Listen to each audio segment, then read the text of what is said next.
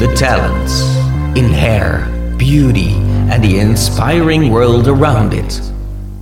Hoe staat de kapper ervoor na drie lockdowns? En hoe werkt dat nou eigenlijk? Lobbyen voor de kapper? En hoe essentieel is de kapper anno 2022? En misschien wel de belangrijkste vraag: wat doen jullie nu eigenlijk? Even een kijkje in de keuken van de Anko samen met Gonnie Eusen, woordvoerster en nog veel meer van de Anko.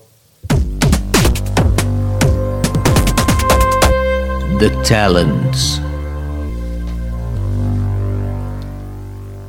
Hey Gonnie! Hallo, hallo, hallo. Welkom bij ons in de podcast. Dankjewel, Ja. leuk om hier te zijn. Ja, nou, eh, we hebben net, eh, even voor de luisteraar, we hebben, dankjewel, we hebben, we hebben net even geluncht en we hebben eigenlijk al heel veel gekletst over wat er allemaal eh, gebeurt in de branche. En dat is best veel. En dat is best veel. Dus ik ben ook blij dat je er hier bent, zodat we heel veel ehm, kunnen bespreken eigenlijk. Maar ook hier en daar wat onduidelijkheden weg kunnen halen.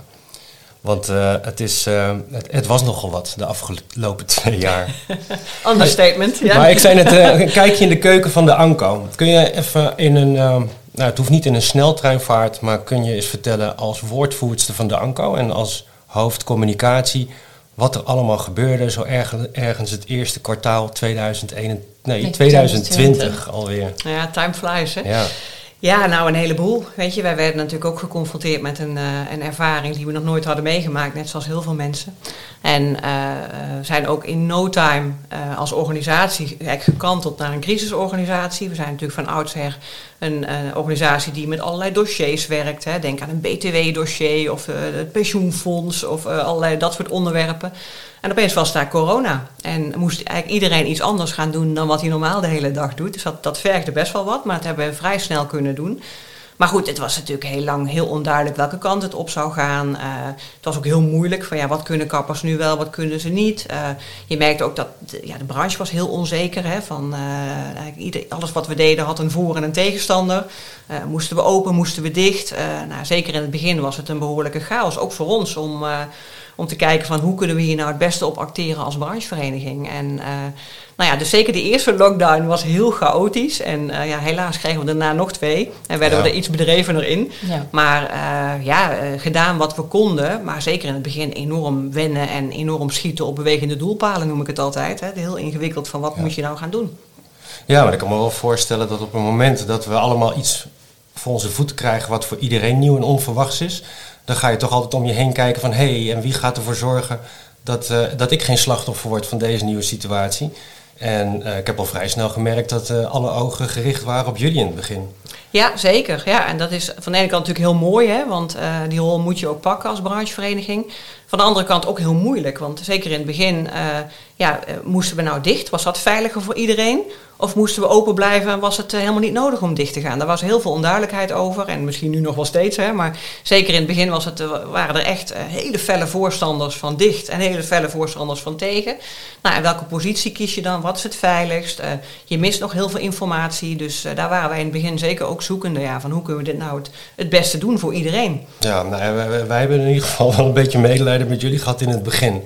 Want wat je net al zei, je hebt altijd voorstanders en tegenstanders. En het lijkt net dat, of dat we in een land leven waar het grijze gebied daartussen eh, bijna verdwenen is. Dus je krijgt enorm veel rotte eieren eh, over je heen aan de ene kant.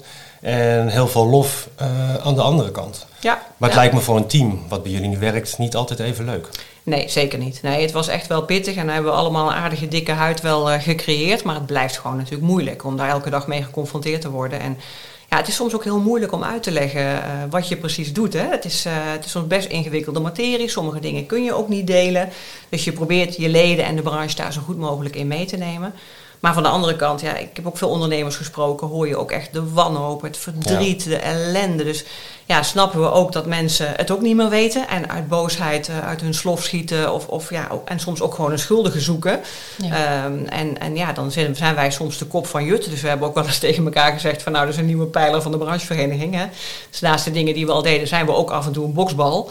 Ehm, alleen, we merkten wel nu met die derde lockdown dat ook eh, de batterij bij sommige medewerkers ook wel wat leger was. Hè? Dat je dan denkt, oh jee, weet je, daar gaan we weer. Ja. En ehm, eh, ja, het, het is gewoon heel moeilijk om ehm, iedereen daarin tevreden te houden. En daar heb je dus hele felle mensen die ja, hun ei kwijt willen en dan soms zich Ja. niet helemaal realiseren wat ze aanrichten. Ze treffen ook een ander mens aan de andere kant hè, van de lijn en eh, die er ook niks aan kan doen, hè, die ook in deze situatie terecht is gekomen. En eh, ja, dat is niet altijd even leuk geweest. Nee. Nee, het is heel menselijk, denk ik, dat we allemaal eh, in, in wanhoop gekke dingen zeggen. Misschien wel vanuit een, vanuit een eerste emotie. Maar je doet het nooit goed. Nee. Op het moment dat je, dat zien we nu al met de maatregelen, op het moment dat wij als enige land nog eh, niet in een lockdown zaten. En toen hebben ze interviews op straat gedaan. En toen zeiden de meeste mensen van nou, doe maar gewoon een keiharde lockdown van twee maanden, dan zijn we er vanaf.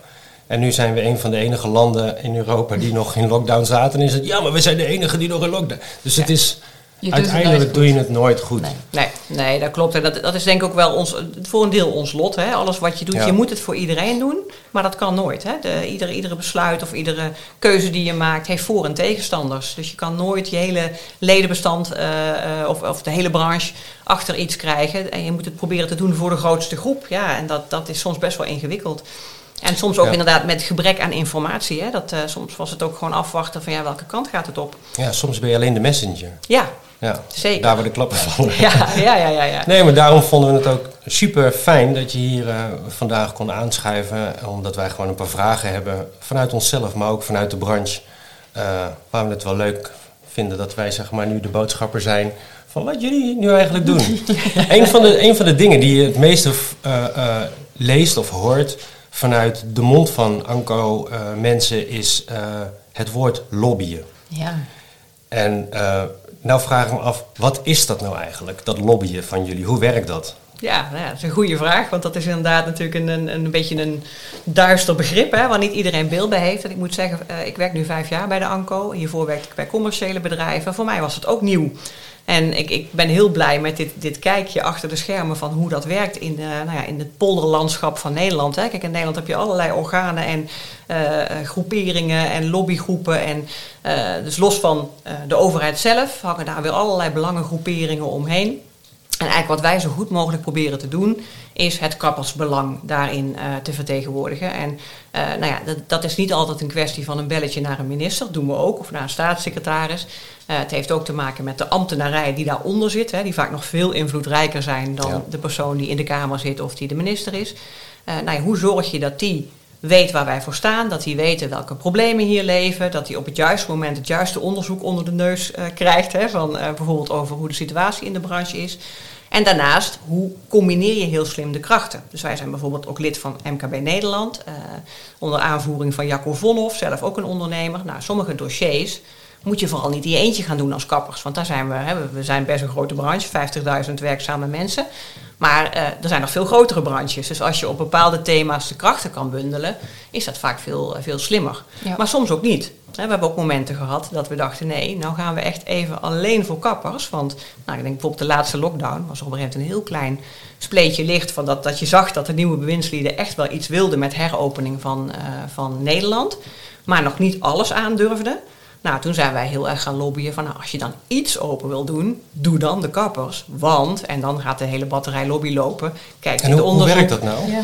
Ja, eigenlijk dat je eh, eigenlijk op meerdere fronten gaan we Je dan hebt gewoon een telefoon eh, met heel veel eh, te- telefoonnummers van zo, de ik krijg steeds winstlieden. zo'n zo'n House of Cards eh, gevoel van... Ja. Ik weet niet of iemand dat Netflix-serie heeft gezien, maar dat, Ja. dan moet je met die bellen en dan moet je met die bellen. En, Ja, ja, nou, het is natuurlijk niet zo geromantiseerd als daar, maar er zit wel een kern van waarheid in. Je moet wel zorgen dat de juiste persoon op het juiste moment op de hoogte is van wat jij graag wil. ja. En ehm, eh, dus je, eigenlijk voeren wij dat dan, die strijd noemen we dat altijd, hè, op meerdere fronten. En het, het mooiste is, waar ik altijd heel blij van word, want ik ben niet verantwoordelijk voor de belangenbehartiging. Dat doet bij ons Gertjan Debe, eh, de manager belangenbehartiging. Dus die zorgt dat eh, de juiste mensen, dus de, eh, de bewindslieden, de ambtenaren, de andere groeperingen waar we wellicht mee samen willen werken, dat die allemaal op de hoogte zijn van wat wij willen. En dat dat ook in allerlei, want er wordt natuurlijk enorm veel overlegd in Nederland, hè, er wordt enorm gepolderd. Ja. Dat dat daar ook overal naar voren wordt gebracht, of alleen namens de kappers of samen. En ehm, eh, vanuit communicatie zorgen we er dan weer voor dat op datzelfde moment dat die brief daar ligt en dat het onderzoeksrapport bij die ambtenaar ligt en dat in de vergadering iets geagendeerd wordt, dat we ook op de voorpagina van het AD staan of dat we op de radio zijn met diezelfde boodschap. En je merkt dat dat heel erg eh, goed werkt. Dus enerzijds kappers vol in de aandacht houden en ook Ja. Alles wat daaromheen hangt, maar daar komen we misschien later nog even op. Eh, en daarnaast gewoon zorgen dat al die mensen die wel, eh, hè, of je nou een OMT-lid bent of in, in, in, bij EZK werkt of bij VWS, dat ze weten hoe de kappersbranche ervoor staat. Ja. En dat wij weinig eh, besmettingen hebben of dat, wij, dat we onderzoeksrapporten hebben waaruit blijkt dat bij de kapper de besmettingsgraad meevalt. Dat je al die dingen probeer je dan continu te pluggen en dat komt dan ergens bij elkaar. Dat is Dus eigenlijk gedurende de laatste, de laatste lockdowns, laten we hopen dat het voorlopig de laatste zijn. Halleluja. Ja. Dat gaan we wel Dan had ook eh, elke lockdown had bij jullie wel een lobbythema, toch? Ja, ja, we hebben wel, ja, het, het, eh, we hebben altijd wel geprobeerd zo snel mogelijk weer open te gaan. Dat was altijd wel bij iedere lockdown op, met stip op één. Ja. Ehm, misschien helemaal aan het begin van de eerste lockdown was het een beetje onduidelijk hè, of we veilig open konden. Maar daar waren we vrij snel achter dat we dachten, nou weet je, als wij met allerlei eh, veiligheidsmaatregelen en een strak protocol gaan werken, dan kunnen we echt veilig open. We zijn ook in al die drie lockdowns nooit een besmettingshaard geweest. Hè. Het waren wel besmettingen, maar geen besmettingshaarden, zoals je in kroegen en op Ja. evenementen Ja. zo hebt gezien. Dus dat, dat sprak natuurlijk enorm eh, voor ons. En ehm, nou ja, wat je ziet is dat we eh, eigenlijk bij alle drie de lockdowns ook elke keer vooraan stonden. Dus op het moment dat er iets mogelijk was, dan stonden de kappers eigenlijk steeds vooraan. En ehm, eh, nou, dat, de combinatie van dus hetgeen wat ik net schetste, van heel veel eh, iedereen bestoken met die boodschap dat het ook kan. Hè, dat het veilig is, dat het verantwoord is, dat onze kappers zich netjes aan de regels houden. En, eh, en daarnaast zeg maar de hele PR-stroom van kappers die het ook riepen. hè. Eh, we schuiven heel vaak ondernemers naar voren in de pers. Of wij zelf die zeiden van joh, het, eh, doe die kappers weer open. Kijk, de consumenten willen het. We hadden weer een onderzoek over consumenten, dat ze per se naar de kapper willen. Of wat dan ook. Dus het is elke keer zo'n soort wisselwerking tussen verschillende stromingen die dan één boodschap naar voren pluggen. Ja, En het lukt regelmatig, maar het lukt natuurlijk ook wel eens niet. zeker lukt het wel eens niet. Ja, Ja, Het en lukt, zeker in de eh, laatste tijd eh, is het eh, voor iedereen nieuw wat Ja. ze op dit moment aan het doen zijn. Want normaal gingen jullie lobby's over hele andere zaken. Ja, Over wet en regelgeving, over cao's. En nu in één keer gaat het over de kapper in oorlogstijd, lijkt het wel. ja, zo voelt het soms wel, ja. ja. Ja. Nee, zeker. En dan zijn jullie het verzet. Ja, misschien wel, ja. ja. Nou ja, het, het, het, ehm, het, is, het, ja, het is anders. En je weet ook dat je dus ook met andere mensen te maken hebt dan waar je normaal mee dimdamt hè, over allerlei dossiers. En dat, je soms ook, dat het soms ook lastig is om ook aan de achterkant iedereen opgeleid te krijgen. Denk bijvoorbeeld aan vakbonden. Hè. Dus eh, eh, vinden we hetzelfde? Hè. Vinden zij werknemersveiligheid eh, in het gedrang komen als wij snel open willen? Nou, aan de achterkant moet je ook zorgen dat je daar één stem eh, hebt. Dus ehm, ja, het, het- ik denk dat wij op allerlei gebieden dat wel heel succesvol voor elkaar hebben gekregen. Maar goed, het, het, ja, nog sneller was nog beter geweest. Maar je doet het allemaal in een bepaald tijdsgevricht.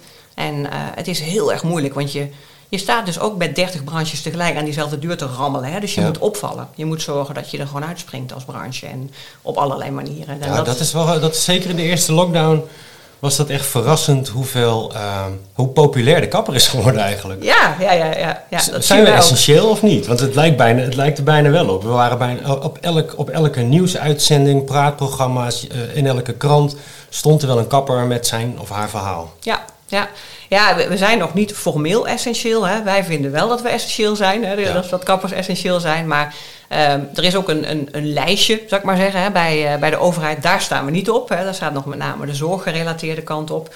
Maar goed, daar gaan, dat, daar gaan we ook nog heel hard voor lobbyen. Maar het was wel heel mooi om te zien dat kappers enorme gunfactor hadden. Dus iedereen miste zijn kapper. Eh, ik Ja. merkte ook in mijn gesprekken, ook met journalisten en zo, als, je het, als ze heel kritisch waren en je wilde het ijs breken, dan zei je, hoe zit jouw haar eigenlijk? En oh, dan kwam er weer een verhaal over uitgroeien en pluis en de baard die niet getrimd was en weet ik veel. En dan had je meteen het ijs gebroken. Dus kappers doen iets met mensen, ook op dat eh, niveau. En ik denk dat we daar heel slim gebruik van hebben gemaakt. Want eh, nog los van dat het een gevoel is, was het ook commercie. Want we kregen ook terug van journalisten dat als er het woord kapper in een titel stond van een artikel, werd het gewoon beter gelezen. Ja, dat heb ik gehoord, ja. Dus op het moment dat je een algemeen stuk had geschreven over, weet ik veel, over ondernemers, dan werd er minder snel op geklikt dan op het moment dat er het woord kapper in zat. Ja, dat kregen wij terug van Ja, journalisten. zijn- Zijn we toch gewoon essentieel? Ja, vind ik Minimaal. ook. Ja, ja, ja. Ja, Ja. Dat, nou, absoluut. Nou ja, dat, dat vond ik wel een leuke. De laatste, eh, ehm, de laatste, want iedereen kent het moment wel dat alle nieuwe bewindslieden op de foto gaan met de koning op de trap daar voor dat paleis. Eh, in die week daarvoor had Anko die actie gedaan, zo van, ja, weet je, wel, ik ben benieuwd wie van de bewindslieden met gedaan haar zeg maar op de foto gaat. Ja. Want die kwam bij jullie vandaan.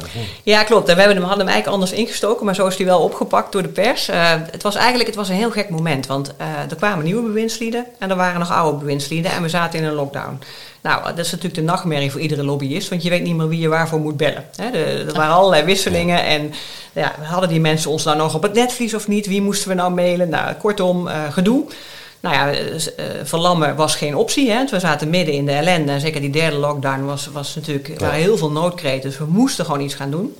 Dus wij dachten van nou, laten we dan in ieder geval ervoor zorgen dat we bij die nieuwe bewindslieden op de radar komen. Maakt niet uit hoe.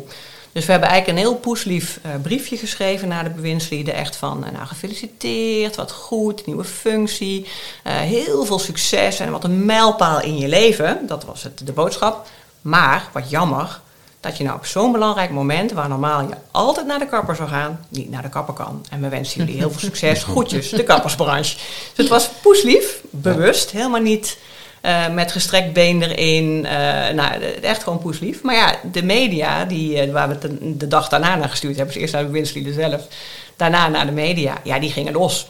Dus er gingen allerlei journalisten gingen aan die bewindslieden vragen van... hé, hey, wat ga jij doen? En eh, nou ja, tot de RVD aan toe die zich genoodzaakt voelde te, te noemen... dat Willem-Alexander eh, zijn kapsel, dat daar ook over nagedacht werd. En allerlei kappers die ook eh, op die maandag zelf mochten meekijken van... nou, Ja. is er geknipt? Nou, dus dat was een hele... Nou, dat duurde bijna een week, die, die aandacht. En eh, ja, het mooie daarvan is, het is natuurlijk een onderwerpje van niks. Hè? Het gaat over het haar van de bewindslieden. Ja, dat, dat las ik terug. Ja, Op een gegeven moment op social media. En dan wordt het aan de ene kant werd het, ging het enorm viral. Het werd heel erg ondersteund, die actie. Ja. Heel veel mensen deelden het. Maar er kwamen natuurlijk ook mensen die dachten van ja, het is wel leuk dat jullie eh, erachter staan dat zij met niet geknipt haar op, op het eh, bordes staan of op die trap staan. Maar hoe zit het eigenlijk met, eh, met de nauwregeling en hoe zit het nou met dit? Ja, precies. Nou ja, dat, dat, eh, kijk, dit was natuurlijk een, een actie, echt puur bedoeld om kappers in de spotlight te houden. Verder, hè, dat is een actie ondersteunend eigenlijk aan Het de was een zijspoortje. Ja. Ja, en eh, kijk, je, je, je staat, wat ik net al zei, met, met, met de Koninklijke Horeca Nederland, met in retail, met alle andere brancheverenigingen aan diezelfde poort te rammelen. En je wil heel graag dat die mensen vanaf dag één denken, oh shit, de kapper is nog dicht. Nou, dat was het doel van deze actie. Ja. En daarmee kom je dus ook met je lobbybrieven en met je onderzoeken, kom je anders binnen dan als ze denken van, oh, zijn de kappers nog dicht? Oh, daar was ik me niet van bewust. Of, dus het, het, eh, het was echt een vooropgezette actie om die kappers in de spotlight eh, te houden op die manier.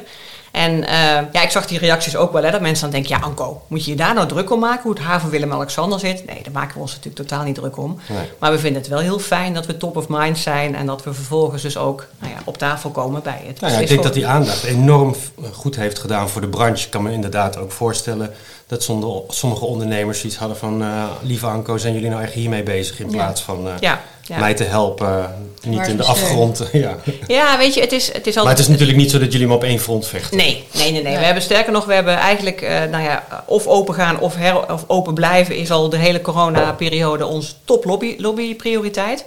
En, eh, en nu, als je kijkt naar de laatste eh, lockdown, dan ehm, eh, was zeg maar eh, weer open gaan was de allerbelangrijkste. Op twee stond maximale compensaties. We hebben daar ook echt een upgrade gedaan van nou niks meer steun. Want dat nou, kan ik misschien zo nog even iets over vertellen. Dat is ook een heel Oh, dat mag lastig- nu hoor. dat zal ik zo doen, ja. Ja. Ook een lastig lobbytraject. En op drie stond essentieel. Hè. Kunnen we die Ja. kappers op een of andere manier op dat essentieel lijstje krijgen? Want dan zijn we in ieder geval nooit meer dicht. Hè. Dan zijn we forever en ever van deze ellende af. Maar goed, die laatste week was dus alle ballen op heropening. Omdat we gewoon zagen van, eh, er ontstond een enorme beweging. En die kwam natuurlijk tot een soort apotheose in die laatste week... waar zelfs gemeentes en zo zich ermee gingen bemoeien. Dat Nederland gewoon weer open wilde. Dus iets moest er open. Nou, wij dachten, nou, als er iets open moet... Dan willen wij. Kijk eens, hier heb je de kappersbranche. Wij kunnen veilig en verantwoord. Het is bewezen. Kijk eens, hier heb je nog drie onderzoeken. Hier heb je nog allerlei brieven van de vorige keer. Weet je, kijk, wij kunnen open, eh, beste Kuipers, beste eh, Ja. andere mensen. Dus, het, eh, nou ja, dus dat, daar was die hele lobby op gericht. Maar natuurlijk, eh, die andere twee punten gingen ook mee. Er waren ook nog steeds mensen aan het overleggen met MKB over meer steun. Er waren ook nog mensen bezig om te kijken wat er voor nodig is om essentieel te worden. Dus dat loopt wel door. Maar op een gegeven moment moet je wel focussen in wat je laat zien naar de Ja. buitenwereld. Hoeveel meer, hoe even een kijkje bij jullie in de keuken eh, voor onze beeldvorming. Eh, hoeveel, hoeveel mensen werken er dan eigenlijk op zo'n afdeling die lobbyt of communicatie doet eh, bij de ANCO? Ja, dat is, wij zijn helemaal niet zo groot. Nee, maar zoals je nu vertelt, lijkt net alsof er Ja, hè? honderd man in een rokerige ruimte zitten met, eh, weet je wel, eh ja. lampjes aan en die zitten allemaal strategieën uit te denken. ja. Geheimzinnig. Nee joh, helemaal niet. Nee, nee, nee. nee. Wij hebben 18 eh FTE bij de ANCO, Oh. dus that- that's it. En daarvan hebben we natuurlijk een ledenservice. Het zijn vijf dames die nemen de hele dag alle telefoontjes aan van ondernemers om hun problemen te bespreken en ze zoveel, zo goed mogelijk te helpen. Eh, wij hebben op eh, belangenbehartiging, eh, hebben, moet ik even goed tellen, een man of vier, vijf. Dat, dat, zit een, zeg maar, niet iedereen zit alleen maar daarop. Ja. En op communicatie, waar ik zelf ook verantwoordelijk voor ben, zijn we met ongeveer twee FTE. We hebben net een nieuwe aanwinst. En ehm, dus we zijn kleine teams. Dus we moeten het echt met heel weinig inzet proberen we heel veel lawaai te maken. Dat is het Nou eigenlijk. ja, de reden waarom ik het ook vraag, en dankjewel voor de duidelijkheid, is omdat eh, ik zie vaak op social media, en ik snap het, dat jullie de rotte eigen regen over je heen krijgen van mensen die vinden dat ze al heel lang een lidmaatschap hebben en echt vinden dat er nooit iets gebeurt aan jullie kant. En dan krijgen jullie alle ellende over je heen. En dan zie ik ook tegelijkertijd dat jullie er vrij weinig zelf op reageren of je niet verdedigen. Maar met op communicatie 2,5, social 3 media.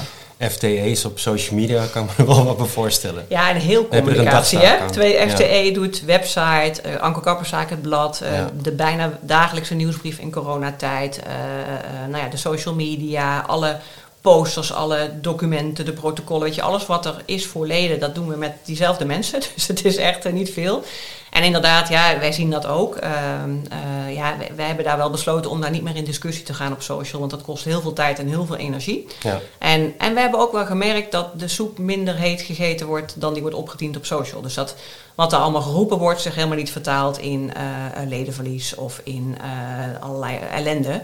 Dus er wordt een hoop geroepen en daarna eh, eh, minder gedaan. Waar we heel blij mee zijn hoor. Want ehm, natuurlijk zijn er ook boze mensen die wel opzeggen. Maar je merkt ook wel, zeker nu we weer open zijn, dan zien we ook de andere kant. Dus we zien, krijgen dan weer excuses of bloemetjes of bedankjes. Dus ja, het is gewoon een emotionele Ja. branche. Dat is, dat is het We zijn emotioneel, eh, kappers Ja. zijn emotioneel. Ik heb Ja. zelfs mensen zien reageren en met rotte eieren zien gooien waarvan ik weet dat die al tien jaar geen ancolid meer zijn. Ja. Of Ja. nooit geweest zijn. Nee. Dat ik denk van oké, als, dat, als dat... Maar ja, aan de andere kant, als het je ego een boost geeft om mee te doen in je eigen gevecht om maar met rotte eieren te gaan gooien. Ja. Het zal mijn... Ja. ja.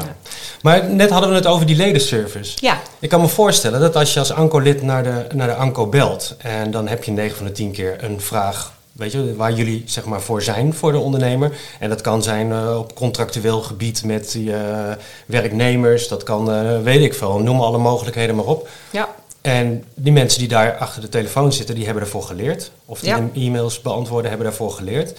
Maar ik kan me ook voorstellen dat ze totaal andere telefoontjes hebben gekregen in coronatijd. Ja. Dus nu waren ze eigenlijk van een soort ledenservice, werden ze maatschappelijk hulp of... eh, ja, zo kun je het wel noemen. Ja, ja, wat zijn- gebeurde daar gedurende zo'n dag? Ja, heel veel. Kijk, het, het zijn eh, juridisch geschoolde mensen. Hè? Dus Ja. eh, in, in normale tijden dan geven ze advies over eh, arbeidsjuridische kwesties... of over huurrecht of over ondernemersvraagstukken. Dus het zijn heel breed opgeleid en geschoold en weten heel veel. En eh, nou, in coronatijd, ook in de eerste lockdown, hebben we ook allerlei mensen opgeschaald. Dus bijvoorbeeld bepaalde eh belangenbehartiging medewerkers hebben toen ook aan de telefoon gezeten. En iemand die voor ons traint heeft aan de telefoon gezeten. Dus ehm, eh, we wilden zoveel mogelijk ondernemers wel echt persoonlijk te woord staan toen. En ehm, nou, dat doen we nog steeds, maar het is niet makkelijk. En dat is niet alleen dat er boze mensen zijn, want die zijn er ook. Maar ook de verdrietige verhalen. Weet je. Ja. Ik heb Ja. dat zelf ook gemerkt. Als je iemand aan de lijn hebt die gewoon vertelt wat het met hem of haar doet. En hoe hard hij heeft gevochten heeft. eh, wat hij nog allemaal geprobeerd heeft om het op te lossen. En dan komt er weer een lockdown over, overheen. Dan gaat het gewoon niet meer. Nou ja, ik zit dan ook bijna eh, Ja. mee te huilen. Het is gewoon echt heel treurig. En nou ja, wij, zijn, we hebben dus ook die functie. Hè, dat Ja. we, je kan Rutte kan je niet bellen. Maar de Anko kun je wel bellen. En dat, dat komt er niet altijd even charmant uit. En dat, eh, eh, dat praat ik niet goed, want het is echt niet altijd leuk geweest. Nee. Maar eh, dat we daarvoor ook bereikbaar zijn, voor die schouder, en, hè, d- Ja. dat, daar sta ik wel achter. Maar met een grens, weet je. Er zijn ook wel mensen geweest die, on- die onze werknemers echt hebben verrot gescholden. Ja, dat, dat praat ik echt niet goed, weet je. Doe dat maar lekker ergens anders. Het zegt ook vaak meer over degene die het doet dan degene die het ontvangt. Ja, ja, ja, dat Ze klopt. zouden eigenlijk dan moeten kijken naar ja, wat je al eerder zei, dat er aan de andere kant van de telefoonlijn ook een mens zit. Ja. Die ook gewoon een baan heeft, die Ja. s'avonds ook naar huis gaat. Ja, Die ook kinderen thuis heeft zitten die eh, hun school, eh, weet ik veel, eh, op hun slaapkamertje moeten doen. Ja. Dus Ja, het precies. zou mooi zijn als we met z'n allen de handen in elkaar hadden geslagen in plaats van tegen, tegen elkaar, Ja, tegen elkaar dat- hadden geslagen. dat maar dat is altijd. Ja. ik, maar het is logisch. Ja, het is logisch, maar niet goed te praten. Precies, nee, vind ik ook. En ik denk als, als deze crisis iets heeft laten zien, is het wel wederom pardon, de kracht van samen. Hè? Want op het moment dat je dus alles bundelt en je bent in de pers en ook die kappers die actie voeren, weet je, fantastisch. Eén groot geluid van die kappersbranche wil weer open. Dus eh, het is niet tegen elkaar, weet je, we staan naast elkaar, we hebben hetzelfde belang. En eh, natuurlijk zijn er ook nog allerlei subbelangetjes, snap ik ook allemaal heel goed. Maar op het moment van een crisis moet je naast elkaar gaan staan. En dan heb je Ja. zo'n veel sterker geluid dan als je het versnipperd gaat doen. Nou ja, even over dat, over het grote belang. Ehm, ik denk dat eh, zeker in de afgelopen twee jaar de kapper populairder is geworden dan ooit. Weet je, je hoort ook heel veel mensen terug. eh, toen we weer open mochten de- na de eerste lockdown, heel veel consumenten die hun social media ermee vol stond van eindelijk weer naar de kapper. En hoe belangrijk wij waren voor de, voor de Nederlander, zeg maar, voor het Ja. straatbeeld, voor iedereen zijn eigen waarde. Of, ehm, zijn we dan niet stiekem essentieel? Kunnen we dat er niet doorkrijgen? Hoe Ja. essentieel zijn we eigenlijk? Hartstikke essentieel. Nee, kijk, wij zeggen altijd, we zijn al essentieel. We moeten het alleen nog formeel maken. Maar goed, dat is een lastig lobbytraject, zal ik je meteen vertellen. Maar dat eh, zijn we nog wel steeds mee bezig. Wat ik wel heel mooi vind aan een van de weinige pluspunten van deze coronacrisis... is dat we inderdaad dat heel duidelijk hebben kunnen maken. Hè? Want er was op een gegeven moment echt geen branche die zo gemist werd als wij. En dat zat natuurlijk in het haar, zit hem dat. Hè? Dat we allemaal ijdel zijn en naar onszelf zitten te staren bij een Zoom-sessie... en denken, oh my god, hè, dit, eh, dit heeft er wel eens beter uitgezien. Ja. Maar het zit hem ook op andere vlakken. Wij zagen op een gegeven moment ook dat ehm, eh, bijvoorbeeld de, de, de mensen in verzorgingstehuizen, daar zit vaak een kapsalon in, hè, en die wassen de haren van de oudjes. Dat viel dus acuut weg, want de, de kappers in verzorgingstehuizen moesten ook dicht. Eh, de verzorgenden, weten we allemaal, in de zorg liepen over, konden die haren niet wassen. Dus bij die tweede lockdown, die dus elf weken duurde, waren er dus oudere mensen waarvan het haar elf weken niet gewassen was. Ja, weet je, dat, Oh. daar krijg je gewoon brok van in mijn keel. Ja. En dat geeft ook zo aan hoe belangrijk dat is. Hè? En dat je dat niet zomaar oplost met iets anders of iemand anders. En, ehm, en daarnaast weet je ook alle andere functies die wij hebben. Daar zitten we ook steeds meer eh, eh, eh, zeg maar rugbaarheid aan te geven. Eh, eenzaamheid. Hè? Ik, eh, als Ja. je misschien eenzaam bent, maar je komt wel één keer in de zoveel weken bij de kapper, heb je wel je moment. Ja. Kapper kan ook zien misschien een beetje hoe het met je gaat. Eh, ben je depressief? Ehm, eh, huiselijk geweld, hè? ook een hele mooie. De, nam toe in coronatijden. Kappers zijn vaak toch een poortwachter. Die zien Ja. dat, hè? als je Ja. een blauwe plek opeens hebt. Maar ook andere zaken die wij bijvoorbeeld met onze haarwerksectie hebben. We hebben een speciale sectie binnen de ANCO met haarwerkspecialisten. Die dus wel onder de zorg vallen, die wel essentieel zijn. Maar die hebben eh, bijvoorbeeld ook heel veel kennis van plekjes en vlekjes hè, op, haar, op, op je hoofd. Vaak zijn de kappers ook een poortwachter daar. Van, nou, ik zie hier een plekje wat je vorige keer niet had. Als je daar op tijd bij bent, voorkom je heel veel kosten in de zorg. Dus, en dat kunnen alle kappers kunnen dat doen, hè, Ja. als ze die kennis hebben. Dus we hebben eigenlijk allemaal puzzelstukjes voor ons gevoel... die allemaal bij elkaar aantonen dat die kapper echt wel essentieel is. Nou goed, en hoe gaan we daar de overheid van overtuigen? Dat wordt nog even een battle. Maar ehm, ja, daar gaan we wel voor. Wij, eh, ons hoef je er niet van te overtuigen, nee. Ja. Maar net noemde je allemaal, ik denk heel veel takken van het kappersvak, zoals heel veel ehm, mensen niet eens weten dat ze er zijn. Weet je, het haarwerken, hoe belangrijk dat is. En wat je aangaf, eh, de mensen in de bejaardentehuizen of de zorghuizen. Ehm, maar dan maakt het natuurlijk ook heel moeilijk om te strijden. Want aan de ene kant heb je mensen met een eh, ondernemers met een kapsalon met personeel. Aan de andere kant heb je de ZZP'er die het eh, thuis of langs de weg doet. Dan heb je de mensen die neigen naar de zorgkant, dus in zorgtehuizen of bejaardentehuizen. Hoe kun je daar in, in, in de, zeg maar, helemaal over, hoe noem je dat? overkoepelend, zeg maar, over het, in de breedte een beleid op loslaten? Ja, ja, dat is dus lastig. Hè? Dat, dat Ja. is ook precies, eh, dat geef je goed aan. En wat je natuurlijk ziet is dat in de branche ook, hè, de branche is veranderd. Hè, waar je vroeger heel, heel groot middensegment had. Hè? Dus kappers met een paar man personeel en man-vrouw. Hè? Dat, die groep was vroeger heel groot. Nu zie je dat er heel veel ZZP'ers eh zijn bijgekomen. En dat is natuurlijk allemaal prima. Dat hoort allemaal bij eh, het huidige tijdgevricht. Maar eh, ons belang is bijvoorbeeld wel dat er vo- voldoende opleidingsplekken blijven, blijven in de kappersbranche. Nou, daar heb je vaak de wat grotere salons voor nodig. Hè? Om, Ja. om echt opleidingsplekken te kunnen creëren. Van de andere kant, de- de ZZP'er is misschien de kapper met personeel van morgen. Ja. Dus wij zijn ook aan het kijken van hoe zorgt er nou ook voor dat die doorgroeimogelijkheden ook wat makkelijker worden. Want nu is er een enorme drempel hè, om personeel aan te nemen. En daar heeft corona ook niet bij geholpen. Want ja, laten we eerlijk zijn, mensen met personeel zijn heel hard getroffen eh, eh, door alle kosten en zo die allemaal doorlopen. Maar eh, ja, dus hoe zorg je er nou voor dat er in de kappersbranche gezonde doorgroei blijft? Dat iedereen die een bepaalde kant op wil, dat ook kan. Dat de, de regels daar niet te moeilijk voor zijn. Dat de kosten niet te hoog zijn. Dat de risico's niet uit de pan uh, gieren. dat zijn wel dingen waarbij je de branche kan verenigen. Want iedereen is erbij gebaat als dat, dat ambacht, dat vak, positief uh, uh, zeg maar, naar voren komt. Uh, dat, daar, dat je daar een goed je boterham in kan verdienen. Dat daar mooie opleidingsplekken in zijn. Dat mensen die gewoon goed zijn met hun handen daar echt een mooi vak in kunnen. voor zichzelf kunnen ontwikkelen. Ja, dat, daar is, is die hele branche bij gebaat. En dan moet je dus wel iedereen aan boord houden. En er zijn heel veel kleuren en smaken. En ja, ja dat maakt het wel ingewikkeld, dat klopt. Ja. Hoe staan we er eigenlijk voor? Anno 2022 na drie lockdowns? Ja, dat is een goede vraag. Nou, we zijn op dit In het moment, algemeen. Ja, we zijn heel druk bezig met alle, alle feiten zeg maar, op een rijtje te krijgen. Dus echt de harde cijfers hebben we nog niet. Maar wat we wel zien is dat uh, 2021 was toch redelijk goed. Hè? Die signalen waren helemaal niet zo heel slecht. Maar dat was voordat natuurlijk de volgende lockdown eroverheen kwam. En wat we daar eigenlijk zagen in die derde lockdown, dat alles een beetje of een beetje, alles was heel veel erger dan in de vorige twee lockdowns. En dan, dan bedoel ik, de wanhoop was groter.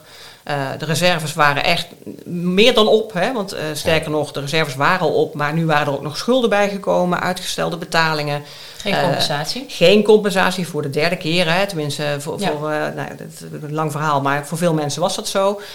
Um, maar ook bijvoorbeeld je pensioenpot opgegeten hebben. Hè? De, dat soort, dus de, de ellende stapelde zich. Um, het geduld was op. Dus waar in de vorige ja. lockdowns we nog zagen dat mensen dachten, nou ja goed, dan moet het maar even. Dat ze nu dagen, ja, groter. Ja. Precies, nou in heel Nederland, hè, dat is niet, niet specifiek voor kappers, maar ook bij kappers. Dus, uh, dus alles leek erger. Dat, dat gevoel had ik heel erg. Of alles was zelfs erger. Ja. En, um, uh, dus ja, dat, dat maakt het allemaal moeilijker. Dus ik ben ook heel blij dat het nu tot vier weken beperkt is gebleven. Want wij stonden ook echt op een punt van... oké, okay, als dit nog langer gaat duren, weet je... Dit, en weer met de feestdagen, precies. Nou ja, hoe krijg je het voor elkaar? Ja, ja. Maar ook echt ondernemers die zeiden van... joh, ik, ik heb nu mijn salaris betaald voor december. Januari kan ik niet meer betalen als we niet meer open gaan. Dat soort signalen kregen we, weet je wel. Dus het echt alle, alle, allerlaatste uh, hoop wat er nog was van dat ik weer open kan. Nou, dat gebeurde gelukkig. Uh, maar dan nog slaat die maand ook weer een gat. Hè? Ik bedoel, ja. we zijn wel open. Maar ooit moet dat toch weer ingehaald, gecompenseerd, ja. terugbetaald. Dat kan bijna niet. Nee, nee. nee. Dus we slepen dit nog heel lang achter ons aan, denk ik. En waar wij nu ook voor lobbyen is van... Uh, weet je, je kan nu wel denken, oké, okay, ze zijn open. En natuurlijk, uh, wij zijn nu open, dus we zijn minder zielig... tussen aanhalingstekens dan de horeca ja. of, of wat dan ook. Maar dan nog slepen wij dit weer met ons mee. En uh, nou, wij zijn ervan overtuigd, je kan beter nu een goede compensatieregeling treffen voor alle geleden schade, of in ieder geval een deel van de geleden schade, dan dat je over tien jaar allerlei ondernemers hebt die niet met pensioen kunnen. Of die, ja, want dat is wat er gaat gebeuren ja. als, het, als het niet opgelost wordt. En uh, je kan het niet zomaar weer even erbij knippen, hè, al die gaten die ontstaan zijn. Dat dus hoef ik de, niemand uit te leggen in deze podcast, nee. denk ik. Nee, nee maar dus, dus de kapper mag meer aan het werk, maar voor jullie zit er nog wel een taak op. Wij gaan keihard door, absoluut. En het is best lastig, hè, want je ziet dat, dat de prioriteit verschuift nu. Hè. Je ziet ja. dat nu, en terecht gaat nu even de focus naar horeca, cultuur en straks hopelijk ook naar evenementen. Want daar hoor je nog niks over. Hè. Nou, dat, dat is het allermoeilijkste als je in een situatie zit en er is ook geen uitzicht op mogelijkheid dat je weer open gaat. Dus we hopen echt dat al die branches ook uh, snel open mogen, dat we met z'n allen weer open mogen. Maar daarmee zijn we er zeker nog niet, nee. Ze zijn nog niet van ons af, nee. Nee, dus er moeten hier en daar uh, nog wel even wat uh, potjes open om de kapper...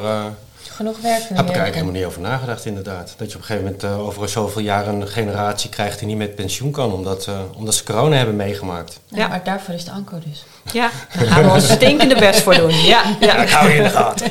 Nee, maar, de, maar wat je net zei, de, de, er komt een rapport met harde cijfers? Ja, ja we, houden, we, we onderzoeken ons natuurlijk al suf hè, op allerlei gebieden. We hebben de afgelopen uh, maanden met name de consumenten heel strak ook in de gaten gehouden. We hebben een wekelijks consumentenonderzoek. En uh, dat is ook wel mooi om te vertellen dat je ook daar ziet dat uh, in die eerste lockdown uh, zagen we nou 2,5% van de consumenten zei, ah, ik ga toch gewoon naar de kapper. Die hadden nog iemand gevonden die wilde knippen.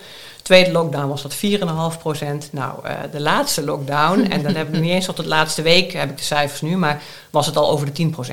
Dus van mensen die gewoon naar de kapper gingen, ondanks de lockdown. Dus dat, je ziet dat ook de burgerlijke ongehoorzaamheid nam daartoe. Tuurlijk.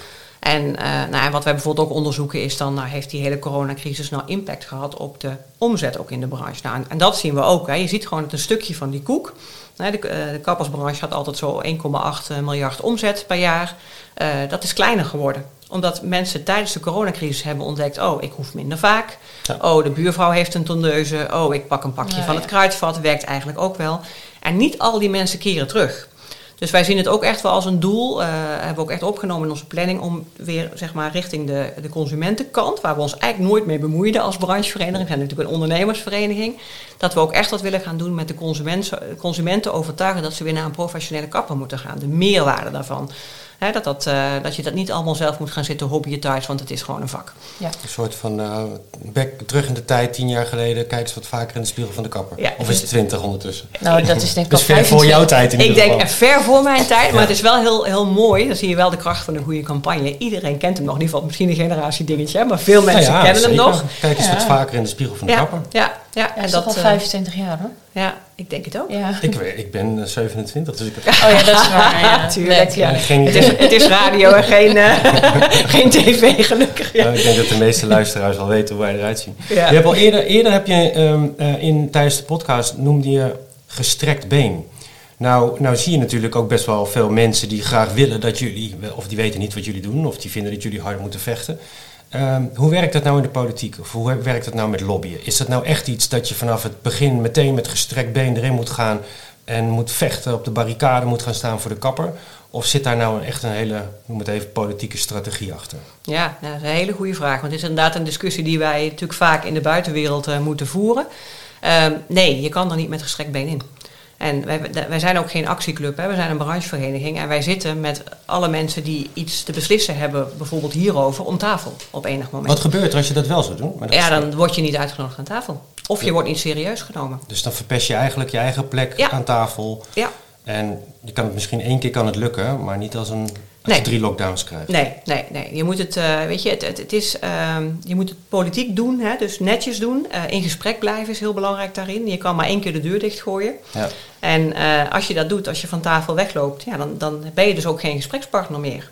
En, ehm, en dan kun je denken, oh dat komt toch wel goed, de kappers gaan weer een keer open. Maar we hebben wel echt gemerkt op het moment dat je wel aan tafel zit en wel de gunfactor hebt van hé, dit is een branche die redelijk is, die met ons wil praten.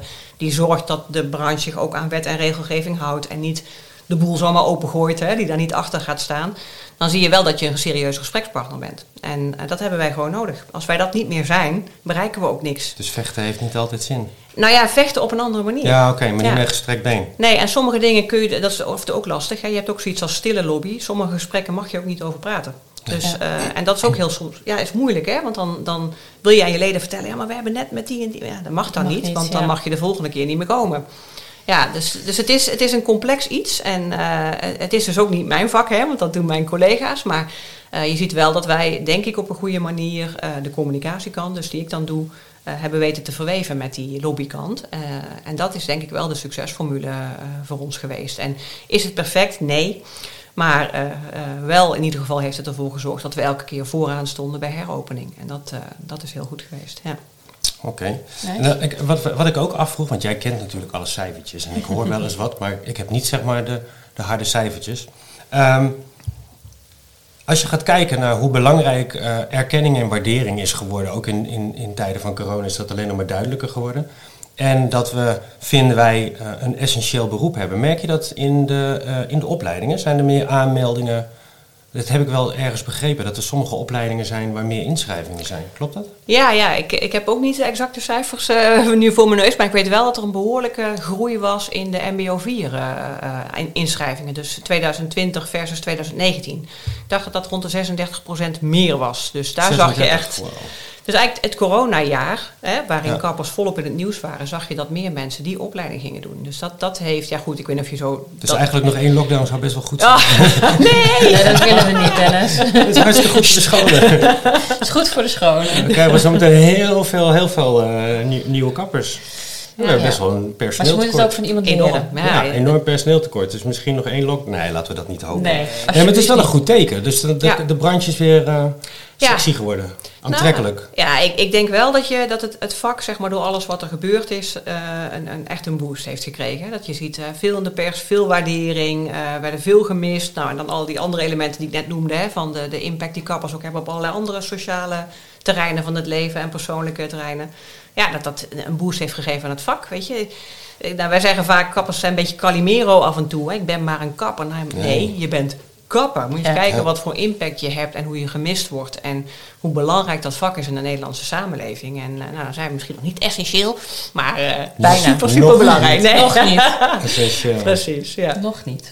Ik vind het wel een hele mooie afsluiter. Absoluut. En ehm, ja, nog niet essentieel. Maar dat betekent dus, we komen allemaal uit een, eh, hele, zware, uit een hele zware storm. En sommige bootjes zijn gezonken. Sommige bootjes die waren sterk genoeg om nog even door te varen. Ehm, eh, er zijn meer aanmeldingen op school. De ANCO is nog niet uitgevochten. Eh, we zijn hard op weg om een eh, essentieel beroep te worden. Dus na vallen en opstaan komt nu staan en opvallen. Mooi. En ehm dankjewel voor, eh, voor deze hele interessante podcast. Eh, mochten mensen iets meer willen weten van de ANCO, dan hebben jullie een website die ze kunnen bezoeken. Ja, Vast. Dus Anco.nl. anko.nl. Ja, daar staat alles op. Zie ook alle actuele berichten van wat wij doen. Hè. Als mensen vragen, wat doen jullie nou eigenlijk? Nou, daar staat eigenlijk alles wel op. En je mag natuurlijk ook altijd bellen. Hè. We hebben die dames, die zijn wel in voor een leuk gesprek hoor. Super bedankt voor, eh, voor je openhartige eh, Absoluut. Heel podcast. En eh, voor, de, voor de mensen die luisteren, als jullie bellen naar de ledenservice, zoals Gonnie net heeft gezegd, wees lief. The Talents Magazine, Podcast, and Education. Check our website, thetalents.nl.